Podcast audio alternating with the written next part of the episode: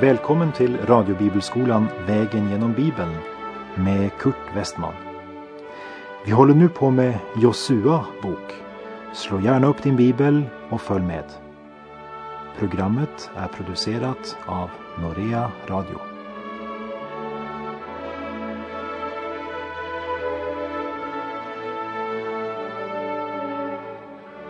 Josua kapitel 10 och 11 berättar om kungarna Josua besegrade. I lång tid förde Josua och Israel krig mot alla dessa kungar. Och det fanns ingen stad utom Gibeon som ingick fred med Israels barn. Men var kung och vart folk besegrades efter en kortare eller längre strid. Så kommer Josua kapitel 12 och berättar om de kungar som Mose besegrade det vill säga de områden de erövrade på östra sidan Jordan. Josua 12, vers 1. Dessa var de kungar i landet som Israels barn slog och vilkas land de tog i besittning på andra sidan Jordan, på östra sidan. Landet från bäcken Arnon ända till berget Hermon, likaså hedmarken på östra sidan. Vi påminner om att det var Mose som mottog lagen vid Sinai. Mose står som representant för lagen. Josua representerar Jesus.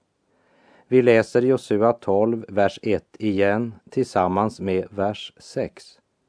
Dessa var de kungar i landet som Israels barn slog och vilkas land de tog i besittning på andra sidan Jordan på östra sidan.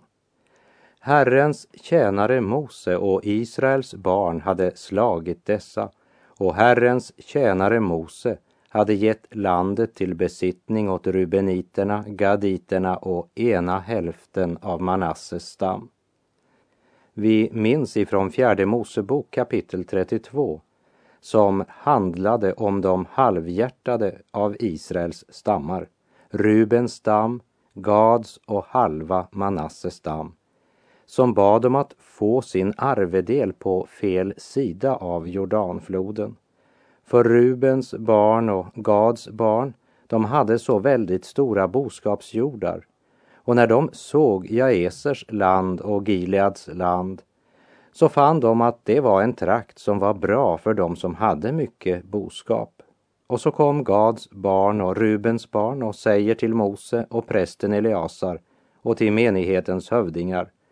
Om vi har funnit nåd inför dina ögon, Mose, så må du ge detta land åt dina tjänare till besittning.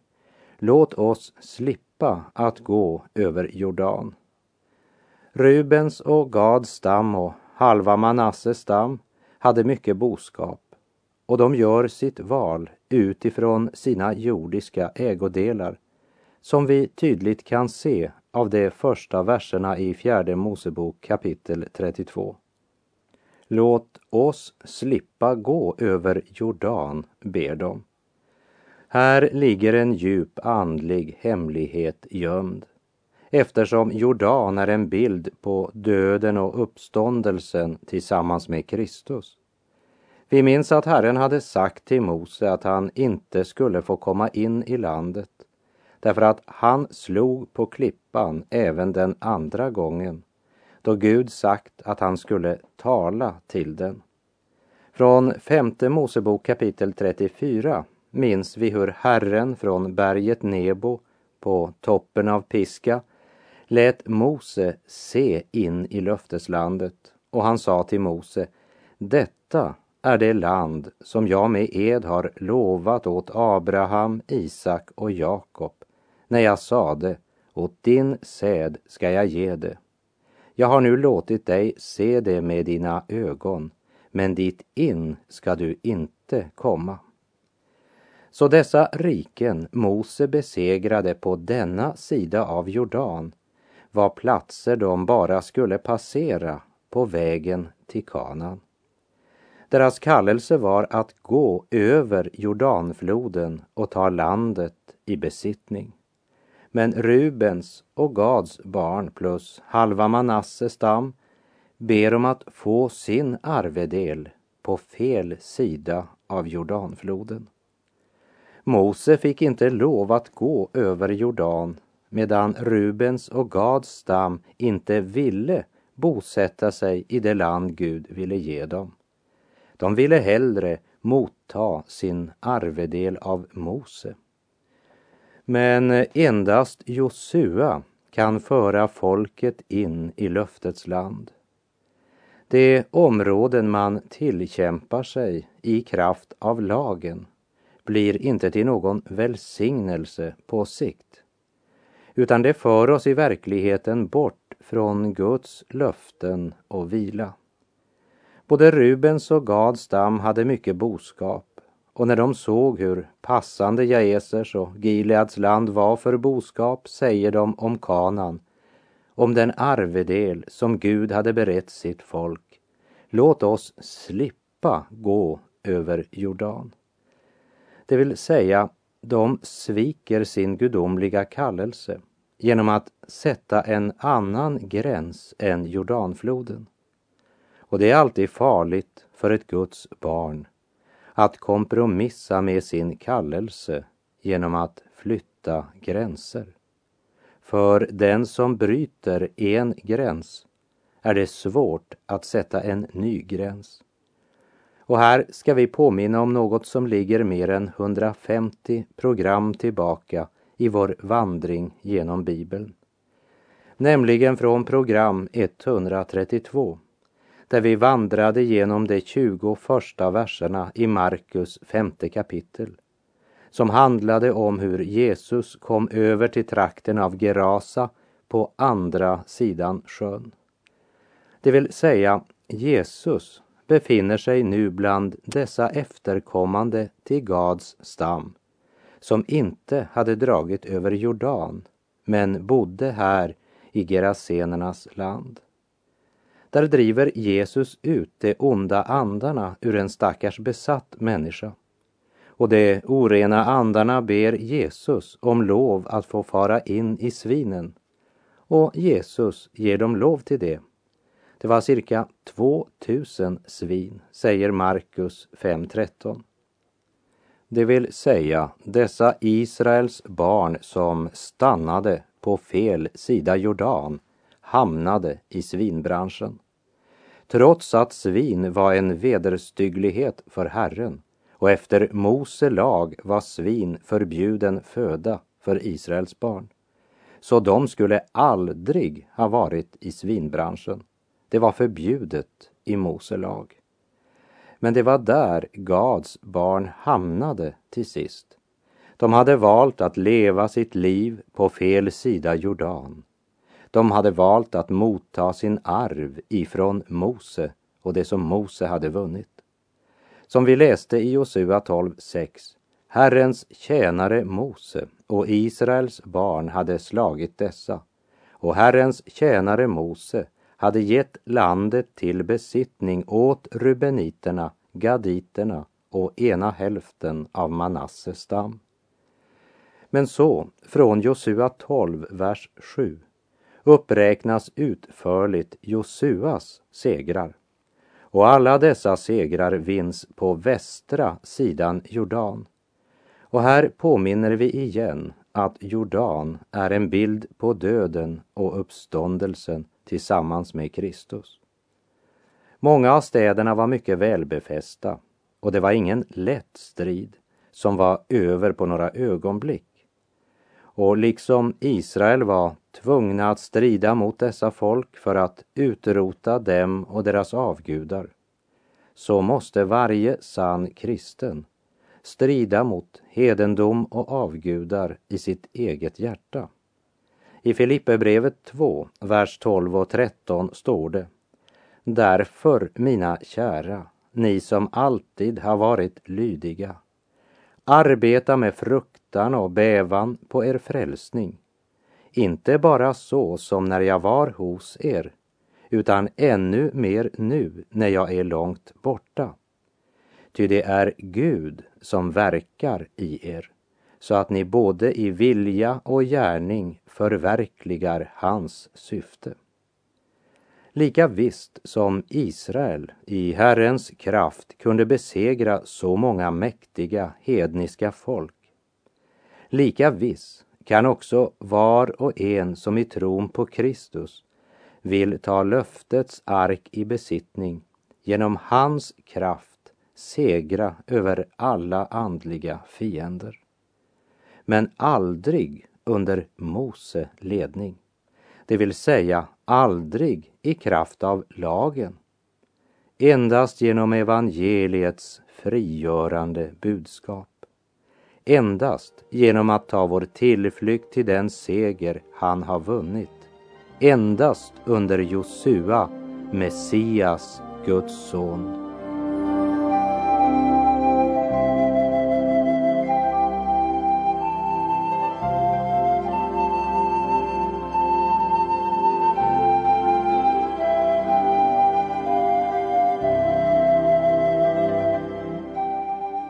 När vi nu kommer till Josua kapitel 13 så talar Gud till Josua om det land som de ännu inte har intagit. Och här vill jag bara påminna om att Gud själv hade förutsagt till Israels barn att de inte lättvint eller på ett ögonblick skulle kunna inta landet Gud skulle ge dem.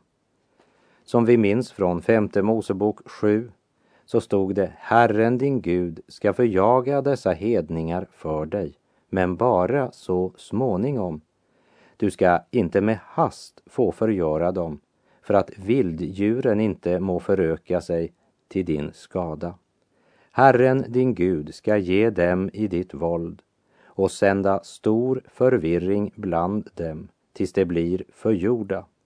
Och han ska ge deras kungar i din hand och du skall utrota till och med deras namn så att det inte mer finns under himmelen.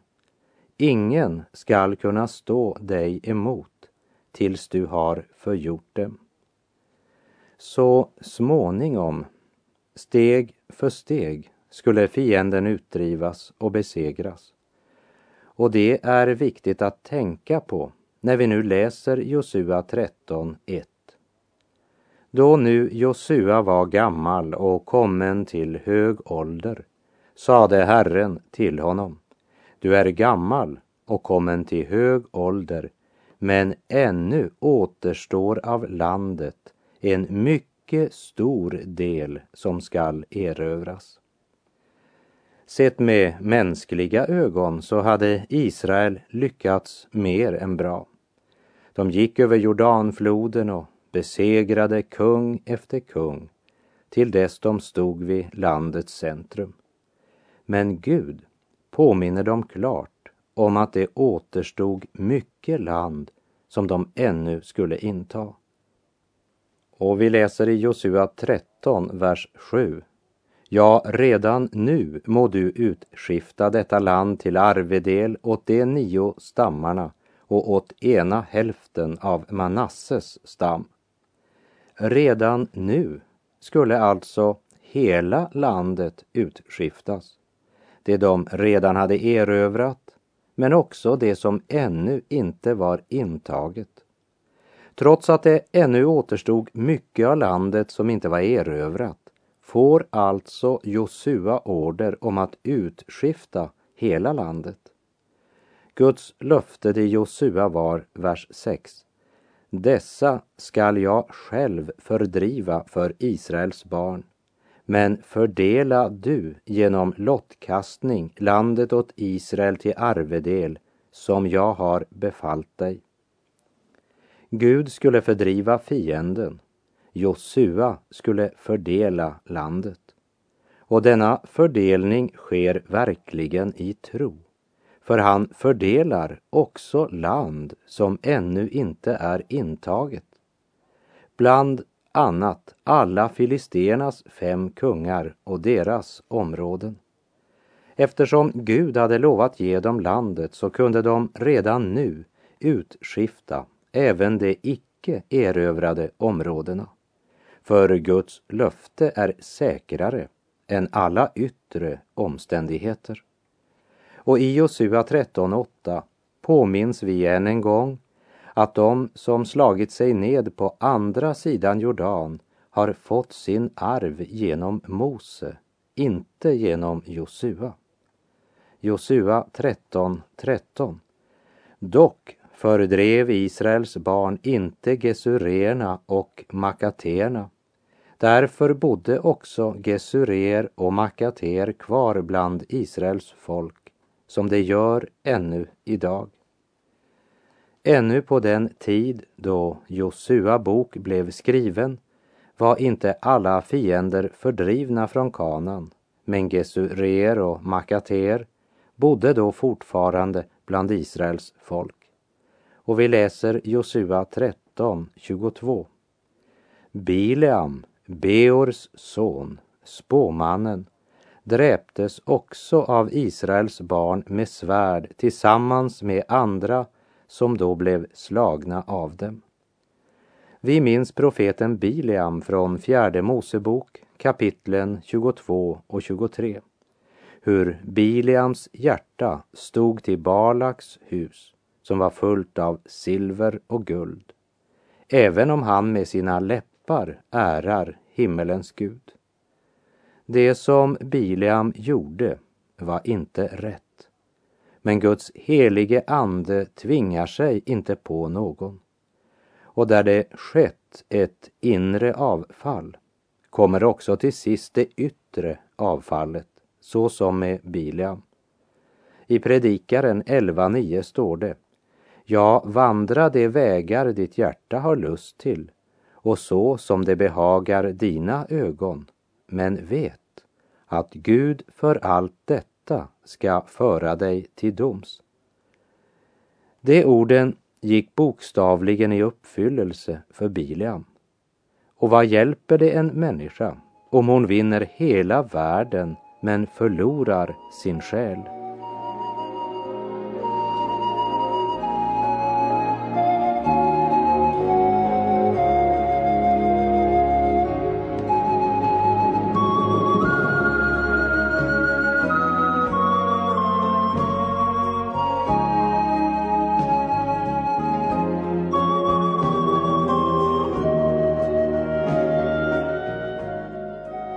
Därmed har vi kommit till Josua kapitel 14 där vi ska möta Gud som ordningens Gud.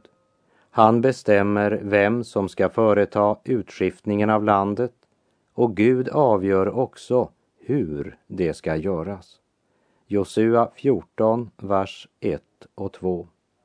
Och dessa är de arvslotter som Israels barn fick i Kanans land det som prästen Eleasar och Josua, Nuns son, och huvudmännen för familjerna inom Israels barns stammar utskiftade åt dem, nämligen genom lottkastning om vars och ens arvedel, så som Herren hade befallt genom Mose angående de nio stammarna och den ena halva stammen.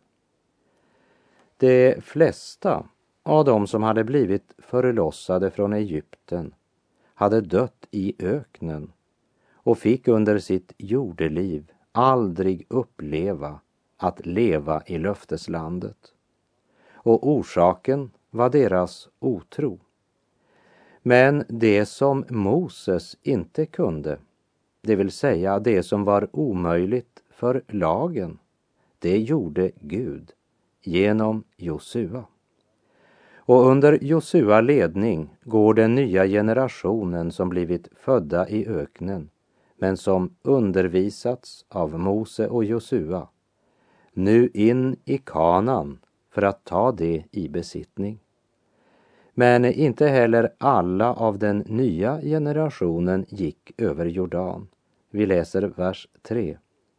Ty de två övriga stammarna och den andra halva stammen hade av Mose fått sin arvedel på andra sidan Jordan. Men åt leviterna hade han inte gett någon arvedel bland dem. Och de övriga två stammarna, det var Rubens och Gads stam och den halva stammen var ena hälften av Manasse. Stammarna fick alltså sin arvslott genom lottkastning. Men Kaleb fick sin särskilda del genom gudomligt privilegium. Vi läser verserna 6 till och med 8. Men Judas barn trädde fram inför Josua i Gilgal och Kenaseen Kaleb, Jefunnes son, sade till honom Du vet själv vad Herren sade till gudsmannen Mose angående mig och dig i Kades Barnea. Jag var 40 år gammal när Herrens tjänare Mose sände mig iväg från Kades Barnea för att bespeja landet. Och jag avgav sedan min berättelse om det inför honom efter bästa förstånd. Mina bröder, som hade varit där uppe med mig, gjorde folkens hjärtan försagda, men jag följde i allt Herren, min Gud. Kaleb är nu 85 år gammal. Han var en av de tolv som Mose hade sänt som spejare till Kanans land. Och förutom Josua så var det bara Kaleb som i tro hade avgivit sitt vittnesbörd för Mose och Israels barn. De eh, övriga tio såg bara de yttre omständigheter. De såg de välbefästa städerna och jättarna och därför ville de återvända till slaveriet tegeltillverkningen och slavdrivarens piska i Egyptens land. Herren Jesus sa i Lukas 9.62 Den som ser sig om när han har satt sin hand till plogen, han passar inte för Guds rike. Att gå ut ur Egypten var inte målet med deras liv. Guds plan var att föra dem ut för att föra dem in i kanan. Och Kaleb litade på att Gud hade makt att föra dem in i landet. Tänk dig att eh, under de 40 år i öknen så hände det att en man klagar och säger till Kaleb Åh, oh, broder Kaleb, är det inte fruktansvärt här i öknen? Över 40 grader i skuggan idag. Ja, när du säger det så är det visst varmt idag, svarar Kaleb. Men jag har eh, inte lagt märke till det. Jag tänkte på druvklasarna i Eskol som jag såg. Och jag tänkte på staden Hebron. Vår fader Abraham tyckte mycket om den platsen och det gör jag också. Och dit är jag på väg. Även i öknen tänkte Kaleb på framtiden. Han hade ett hopp som byggde på vad Gud hade sagt. Och de yttre omständigheter som tog knäcken på resten av hans generation styrkte bara viljan hos trons man Kaleb. Medan de övriga var fyllda av den otrosförkunnelse som tio av spejarna hade burit fram när de sa Det land som vi har genomvandrat och bespejat är ett land som förtär sina inbyggare. Och alla människor som vi såg där var resligt folk. Vi såg också jättarna där, Anaks barn av jättestammen. Vi tyckte då att vi själva var som gräshoppor och detsamma tyckte de om oss. Otrons förkunnelse hade fyllt dem med gräshoppskomplex. Kaleb byggde på vad Gud hade lovat. Han vandrade i tro och han visste att en man och Gud är majoritet. Gud var större än jättarna i kanan. Och därför säger Kaleb i vers 10 till och med 12. Och se, nu har Herren låtit mig leva som han lovade i ytterligare 45 år. Sedan Herren talade så till Mose det år Israel vandrade i öknen. Se, jag är nu 85 år gammal. Ännu idag är jag lika stark som jag var den dag då Mose sände mig iväg. Ja, sådan min kraft då var, sådan är den ännu. Vare sig det gäller att strida eller att vara ledare och anförare. Så ge mig nu denna bergsbygd om vilken Herren talade på den dagen. Du hörde ju själv då att anakiterna bor där och att där finns stora befästa städer. Kanske är Herren med mig så att jag kan fördriva dem som Herren har lovat. Medan andra kände sig som gräshoppor när de tänkte på Anaks barn jättarna, så säger Kaleb om den otillgängliga bergsbygden där det storväxta folket bodde. Ge mig nu denna bergsbygd. För att få den tro som ser mera på Guds ord och löften än på de yttre omständigheter så måste vi regelbundet söka oss till ordet. Den som inte har ett regelmässigt förhållande till skriften får snart sin tanke bunden av alla yttre förhållanden han möter i livets strid och stämmer snart in i den klagokör som majoriteten av spejarna representerade. Och man talar om att problemen är oöverkomliga. Och vad kan väl en gräshoppa göra inför allt detta? Du kanske minns att Abraham drog upp till Hebron och Hebron betyder förbund eller gemenskap. Det var en plats för tillbedjan. Och Kaleb hade gemenskap med Gud och han önskar bli boende i Hebron. Och vi läser Josua 14, vers 13 och 14. Då välsignade Josua Kaleb, Jefunnes son, och gav honom Hebron till arvedel. Alltså fick då Kenasén Kaleb, Jefunnes son, Hebron till arvedel, som det är ännu idag. Därför att han i allt hade följt Herren, Israels Gud. Hebreerbrevet 11, vers 6 säger att den som vill nalkas Gud måste tro att han finns och att han lönar den som söker honom. Trons väg leder alltid till sist till en belöning. Vi kommer inte att belönas i förhållande till den stora arbetsmängd vi utfört för Gud. Inte heller belönas för vår framträdande plats i gemenskapen eller i förhållande till hur berömda vi eventuellt var.